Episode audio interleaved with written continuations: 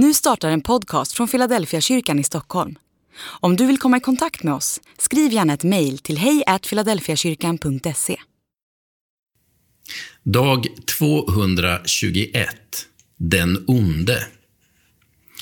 Så hör du vad som menas om liknelsen om mannen som sådde.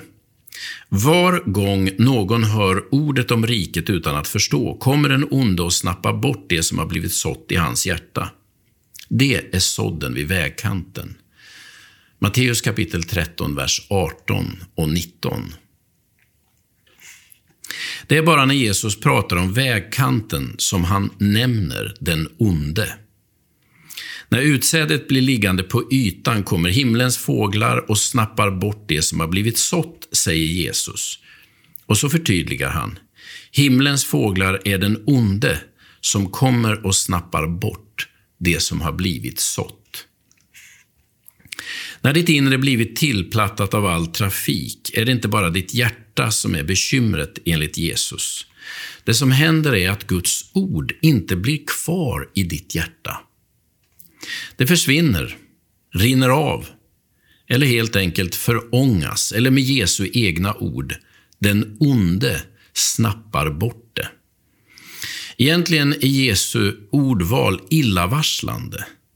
Det är som om ett hårt hjärta, ett större rov för den onde.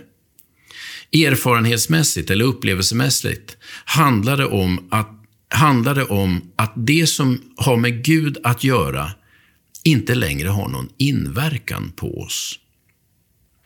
Vi känner inget och upplever inget. Vi blir liksom okänsliga för andliga verkligheter.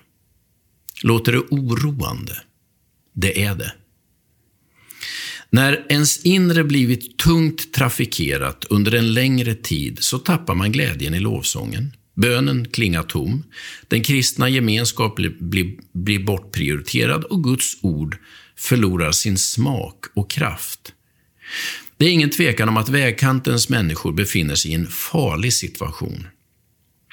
Dels för att de är tilltrampade, dels för att djävulen kan ta bort det Gud vill göra i deras liv, men mest för att de inte kommer att bära frukt i tidens längd. Är ditt inre stumt? Har du tappat bort din andliga smak och ditt doftsinne? Kanske är ditt inre i behov av att luckras upp och vändas runt. Be då Gud att han varsamt börjar bryta upp den hårda ytan och vända runt i ditt inre landskap. Ditt hjärta är fortfarande bördigt, kan fortfarande bära frukt som ger dig bröd och mätta att mätta din själ med.